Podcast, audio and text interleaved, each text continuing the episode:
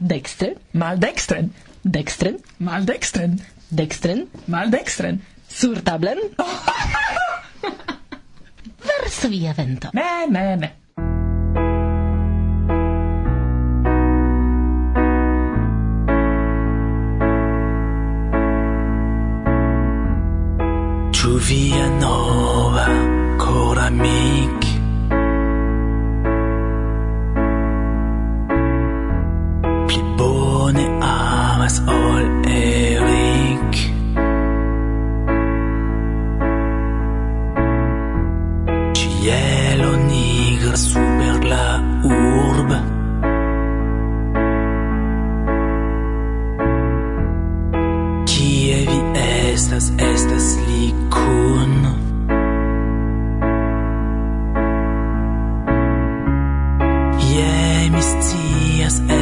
stultet se deves vidi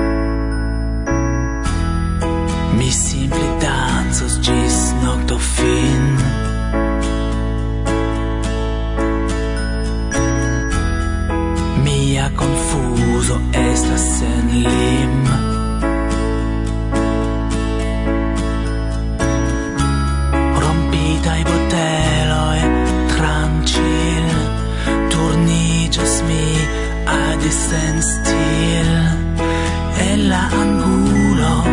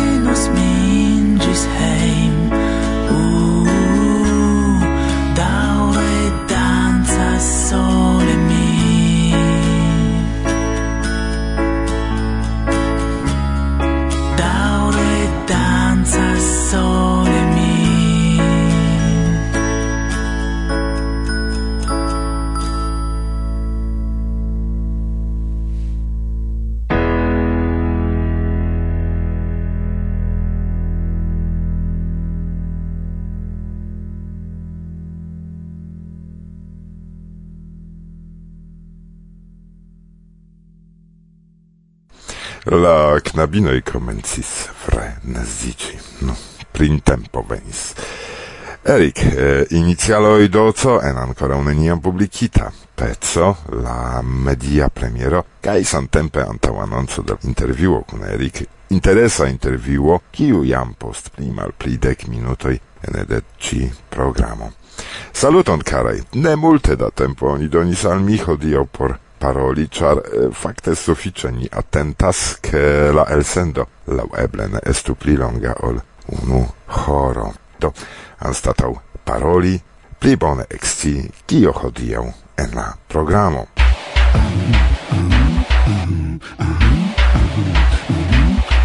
Andau vido fresha rapporto la esperantista rencontigio cun libro en Gdańsko kiun prezentas al vi prezidantino de TEA filio de la Pola Esperanto Asocio, Mira Mazur, postem barta kun gorzka me, me, me kaj rudzia i obstigos vin pri india esperantista historio kaj ce okazo priparolos la lastajn komentojn Intertempe Mariusz Majewski, la prezidanto de la Varsovia filio de la Pola Esperanta Asocio, informos vin eh, pri aligio de la Varsovia Esperantistaro al populara urba evento nome la scienza pikniko, Sekvos tion anoncita jam muzika intervjuo kun Erik Longila, legu inicialoj do co, kaj kronfinanta a parton reklamo, kiun mi rekomendas kelkfoje, kelkfoje, atente auskulti, La redaktorino de la Pola Retradio en Esperanto, Barbara Pietrzak, respondos al senditaj al nia redakcio rete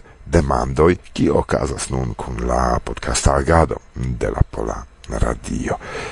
Kai citie core mi desiras danki al Platano pro Haiti, la franca rapumado kiun vi audos, kai albeti el Danio, kiu malgrau malfaciligoi registris por Varsovia Vento prelegon pri la historio de la dana biciclanta asocio. Tion ci prelegon vi audos en la venonta programo, bet mi ne successis ancora ucin prilabori.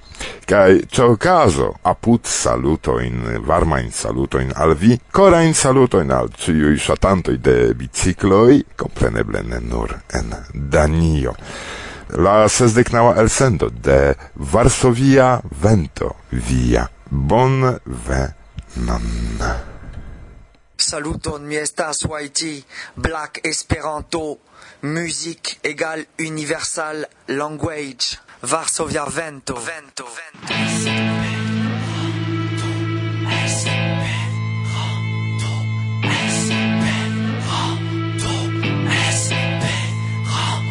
Pour une vie à risque, dire une nécessité, résister pour exister, vivre ou plutôt planer, être ou peu évoluer, faire où certains cœurs brillent, mon choix est fait depuis des piges, pas besoin de me justifier.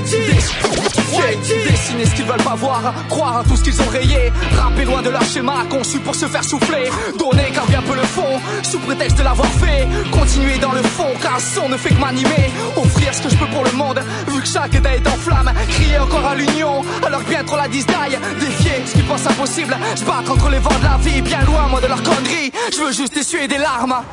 Varsovia 20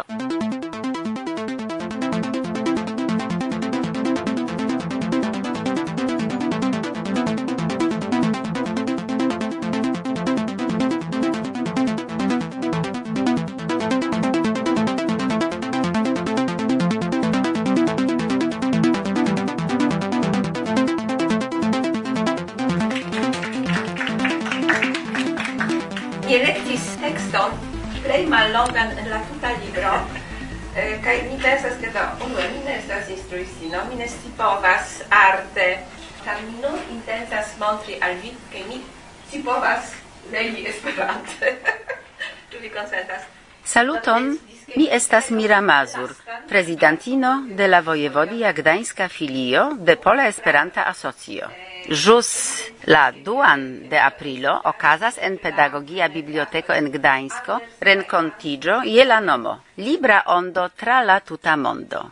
Tiu ci evento estas dedicita al la homoj kiuj ŝatas legi librojn kaj amas ilin. Mia tero turniĝadis en la maldensa aero, vilaĝoj aperis dense unu tute apud la alia, La dato de la renkontiĝo ne estas hazarda. Gi ligigas kun la Internacia Tago de la Infana Libro kaj samtempe estas datreveno de naskiĝtago de Hans Christian Andersen, kiun se vi bone memoras ŝatas traduki Ludoviko Zamenhof mem. Unu el la celoj de la rencontigio estas inter alie interŝanĝo de tralegitaj libroj. Expozicio de libroj fare de la pedagogia biblioteko. Ancau laut legado de electitai fragmentoi esperante. Oni diras che Andersen scribi, ne scribis tiu fabeloi por infano. Tio ne estas fabeloi por infanoi, estas por plenkresculoi. Ia secreta afero. Membroj de nia filio presentas fabeloin de Andersen, inter ili Birdo Fenikso. En la Giardeno de la Paradiso Sub la arbo de la sciado staris rosa betajo. Citie, En la unua rosa... Electita de ni loco de la rencontigio ne estas hazarda, char inter nia filio cae biblioteco de du jaroi daura succesa cun laboro. Ne temas nur pri tio, ke ni raitas senpage rencontigi en la ejo, sed ankaŭ pri iniciato en computerigi esperantai libroin, cae aldoni ilin al la virtuala katalogo de la biblioteko. Tiam de la flamanta glavo de la kerubo falis fajrero en la neston de la birdo. Nome de la loca esperantistaro core mi deziras danki al la direkcio kaj la laboristoj de la biblioteko, al niaj membroj, kiu kontribuis la organizadoj, kaj ankaŭ al partoprenantoj, kiuj venas al nia renkontiĝo. Al ciui auscultantoi de la mondo mi desiras sendi varmain salutoin de nia bela urbo kai inviti vincitie por ecconi la belezon kai gian tre interesan historion aparte saluto salutoin al ciui auscultantoi de Varsovia Vento. Cae donis al vi la giustan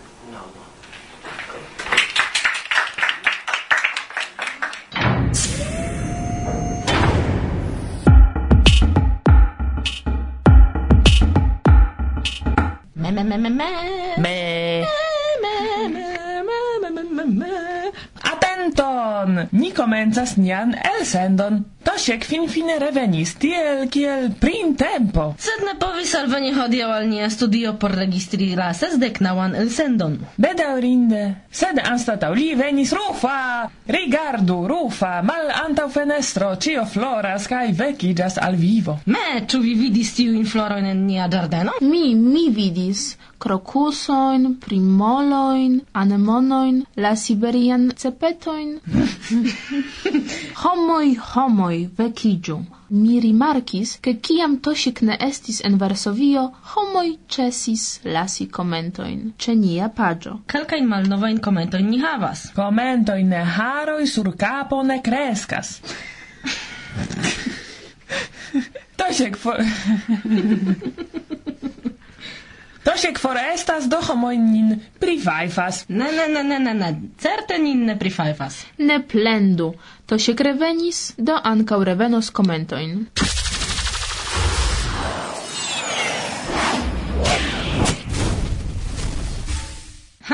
A, Marta, ĉu vi scias, ke post kvar tagoj venos datreveno de morto de Ludoviko Zamenhof? Post kvar tagoj? Jes, ĉar preter pasis jam naŭdek kvar jaroj de la mortdato de kreinto de Esperanto. Tial ni preparis por vi, karaj aŭskultantoj, kelkajn necesajn informojn pri Ludoviko Zamenhof. Momenton, momenton. Mila unua. Ne, ne, ne, ne, ne. mila unua, ĉar mia informo estas pli grava. Kio estas pli grava ol mi? Marta, aŭskultu.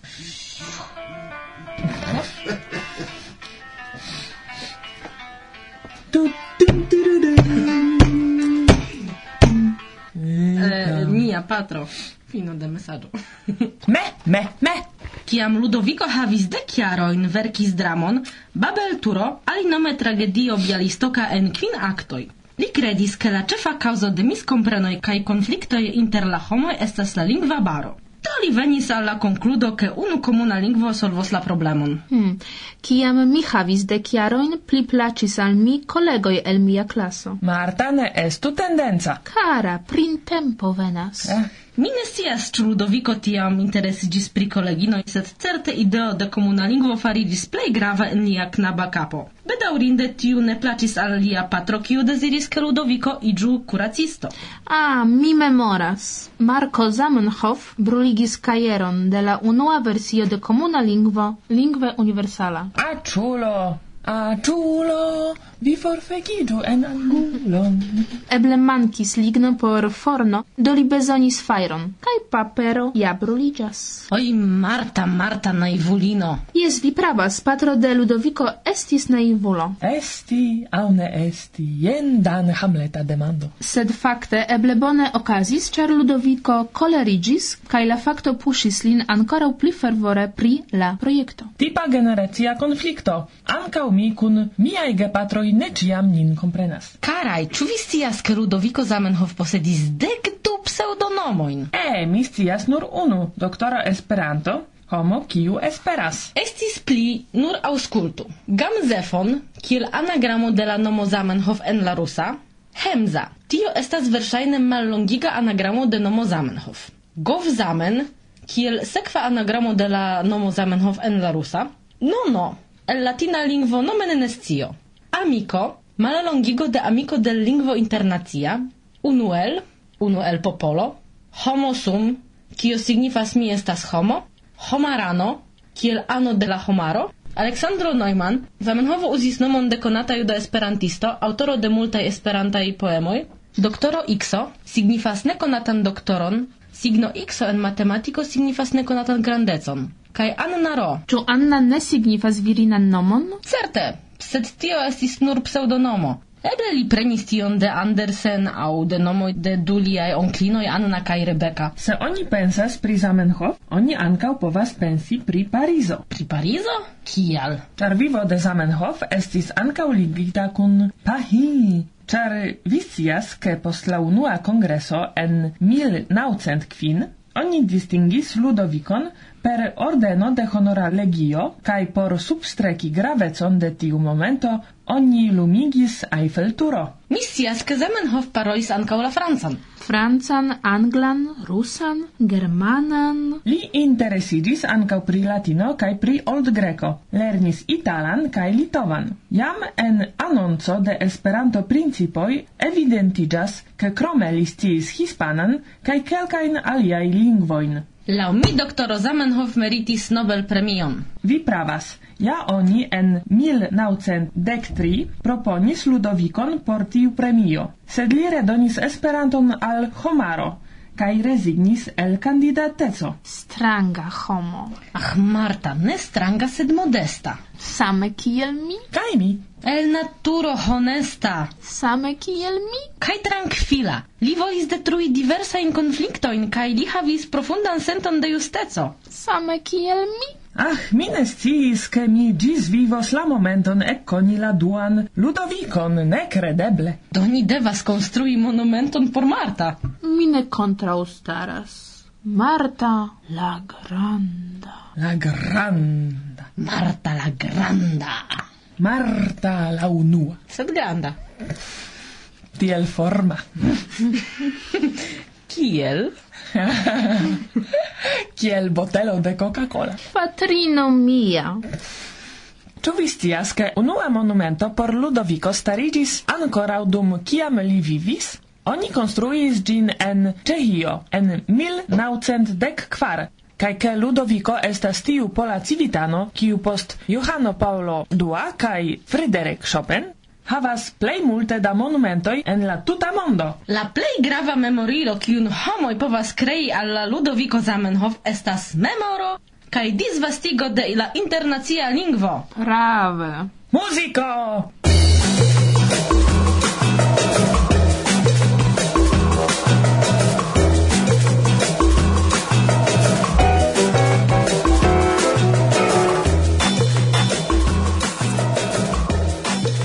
Eh, saluton, mi estas prezidanto de Varsovia filio de Pola Esperanta Asocio. Mi nomiĝas Mariusz Majewski. Mi ĝojas anonci, ke denove la urbo Varsovio akceptis nian proponon partopreni la eh, sciencan piknikon.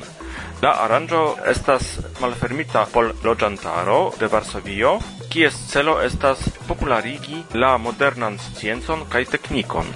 Dum la pikniko diversai scienz academioi, institutoi, firmaoi, cae diversai cultur locoi. Inter alie ni, Varsovia Esperantistoi, havos okazon presenti nian agadon. Mi planas organizi mallongajn lekcionoi de Esperanto ekspozicion de esperantaj libroj kaj revuoj. Ni prezentos esperantaj filmojn, ludadoj kaj profkursoj de Esperanto. Kompreneble ni disdonos flugfoliojn kaj ni planas multe multe interparoli kun varsavianoj. La pikniko okazos en urbocentro de Varsovio en parko de Rydz Śmigły ĉe la Vistulo la dudekoka de majo. Bonvenon ciu esperantistoi kiu citage estos en Varsovio. Mi tre kore invitas. Dankon.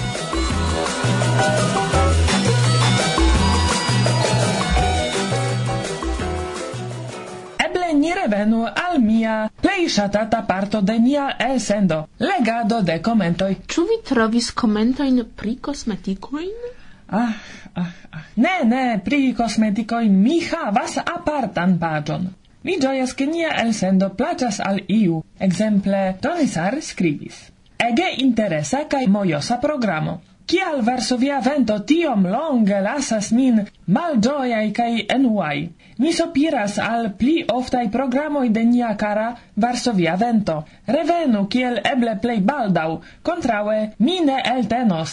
Dankon! Dankon, dankon, dankon. La problemo ŝajne solvita, Tony. Ĉar jam vi nin denove aŭskultas. Dankon kara pro tiel bela motivigo al ni. Lupiro el Bavario lasis... Lupiro! Jes, lupirko. Lupirko el Bavario lasis commenton laste ce nia Facebook pagio. Li scribis, el sendoi estas bone por tranquilai vesperoi. Dependas por kiu? Certe por li, sed ancau mi shatas ausculti la programoin vespere, prefere muzikon. Mm, estas io en tio, dankon Lupiro! Brrr, Lupiro, dankon! Aldonigis al tio etara. Simple li commentis, mi shatas Ankaŭ mi. Kaj mi. Do, ŝajne tio kio aperis laste. Tre modesta reago. Kiu ne laboras, tiu ne gajnas. Anstataŭ pri la programoj ni okupiĝis pri organizado de la novjara jes. Pro tio homoj pri ni forgesis. Ne forgesu pri ni. Ne, ne, ne, ne forgesu, ne. Ne, ne, ne, ne forgesu, ne forgesu pri ni.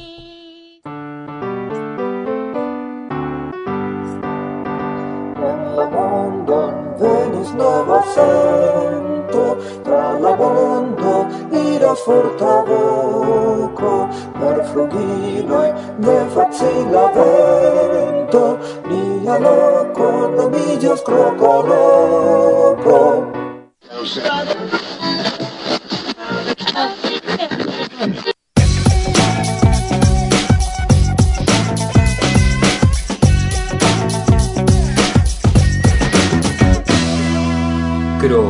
loco. Loco, loco. Saluton! Saluton! Saluton! Saluto. Saluton! Saluton! Saluto. Saluton! Saluton! Saluton! Saluton! Mi estas Chochogo! Bonvenon al Crocoloco podcasto! Averto. Se vi auscultas iunain crocodiladon, ne maltrankviliĝu, ni faras tion intense. Laste aperis en la reto du novaj elsendoj. Crocoloco el Cilio, kies programon en condukon ante un momento vi audis, kai muzika radio de Vinil Cosmo, kie oni povas ec audi novain pecoin de la esperantista muzika eldonejo. Ambau radiostacioin ni rekomendas viziti, kai kiel kutime ligiloin por tien rete salti vi trovos en priskribo de la elsendo. Kai nun mi petas antau mikrofonon Irek kun Erik.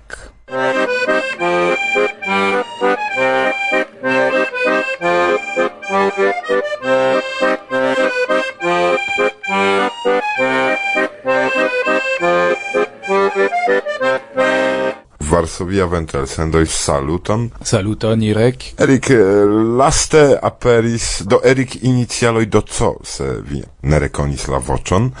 Eh, lasta aperis via nova godo disco La Urbano. Kial La Urbano ne la villagiano exemple? Char eh, mm, quancam mi eh, nascigis en villaggio mi sentas min pli kiel pli kiel uh, urbano kaj uh, eh, mi vivas en urboi ciam, kaj uh, mi pensas eh, uh, ec ciam mi, mi uh, ferias, mi generale ancora restas en urboi, mi shatas urboi, cae do la urbano estas mi. Tu ne pritio temas, che la urbano generale estas pli grisa o la vilaĝano, pli anonima? Estas certe pli grisa, sed um, En tiu grizezzo ni trovas uh, multege da interesaj aferoj laŭ mi kaj mi mi ŝatas serĉi tiujn detalojn en la urboi kai uh, eh, ne nepre estas eh, facile vidi eh, uh, belezon en en urbo.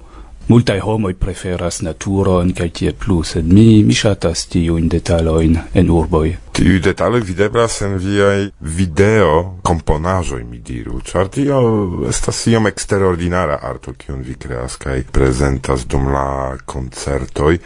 Malantaŭ vi ĉiam estas konstruaĵoj aŭ estas iuj loĝejoj en kiuj vi sidas. E, temas fakte pri la urboj. Kion celas tiu arto? Bildoj.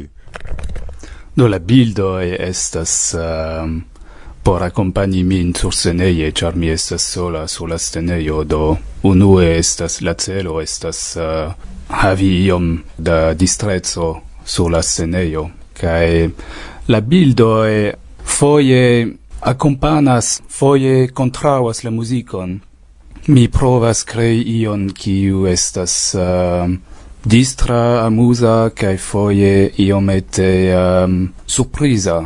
Mi anco pensas che estas interesse se oni uh, auscultas musicon, kai ciam oni estas dum concerto, oni rigardas ion, cae oni povas pensi, tio tute ne taugas por tiu musico, sed Tiu celo estas ankaŭ interesa, mi pensas. Do, mi multe pripensas pri uh, tiuj bildoj, kiujn mi elektas por la muziko. Jen nia ambici, ne resti ordinara, jen nia fantasi, ni estu populara, jen dolcia melodia.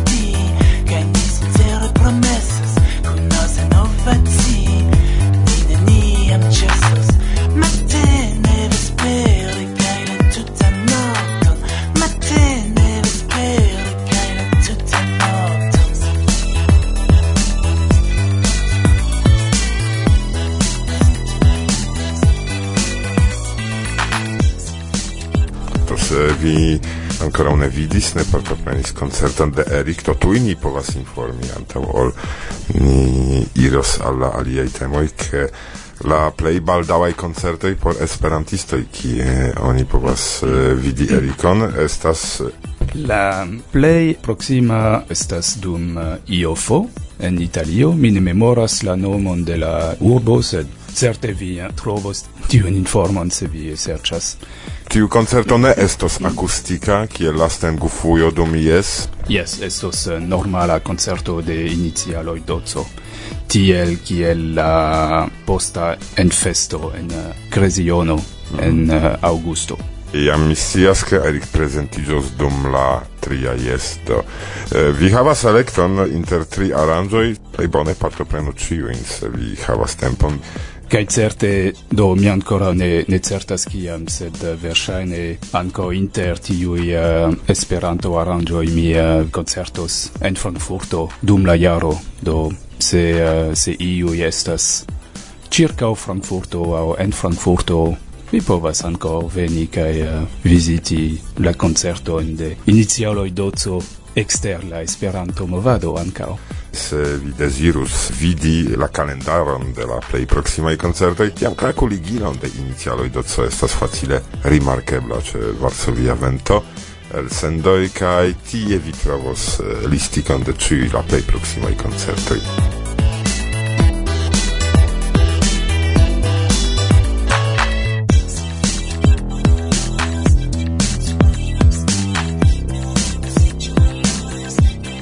Do bone, Erik, ni revenu alla urbano. Eh, la unua penso pri tio che eble aperu disco.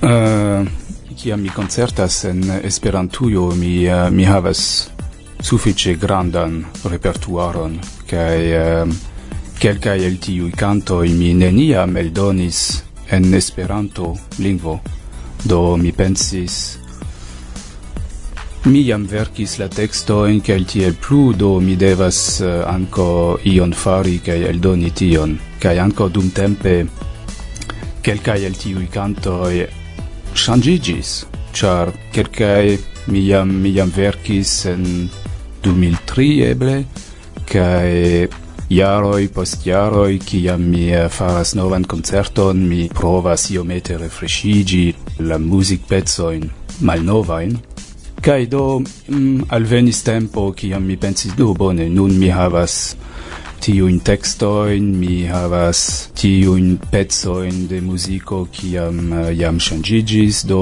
estas uh, bona tempo por eldoni cion, char mi havas multa in canto in kai um, ehm, samtempe Flo el Vinil Cosmo kontaktis min kai uh, eh, ni jam interconnectigis de longa tempo kai estis iam propono kaj ideo ke mi eldonu ion ce vinil cosmo ancau.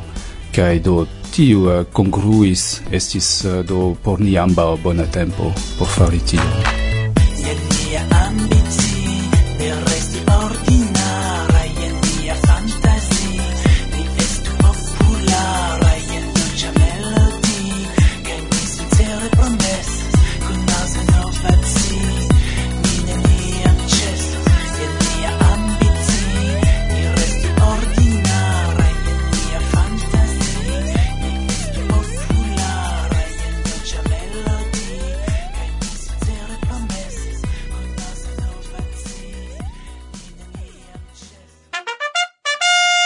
reklamo. Ĉu vi ŝatas Esperanton? Se jes, ni invitas vin partopreni la unuan festivalon de mallongegaj filmoj en Esperanto, kiu okazos en São Paulo de la deka ĝis la dektria de julio 2011. Vi povas partopreni en kategorioj, videoj kun daŭro kvin, dek kvin aŭ tridek sekundoj kaj vian filmon vidos en cent dudek landoj. Aliĝu kaj gajnu unu el la kvin iPod Touch por la unuaj lokoj. Por ricevi plida informoi, visitu kinofestivalo.org.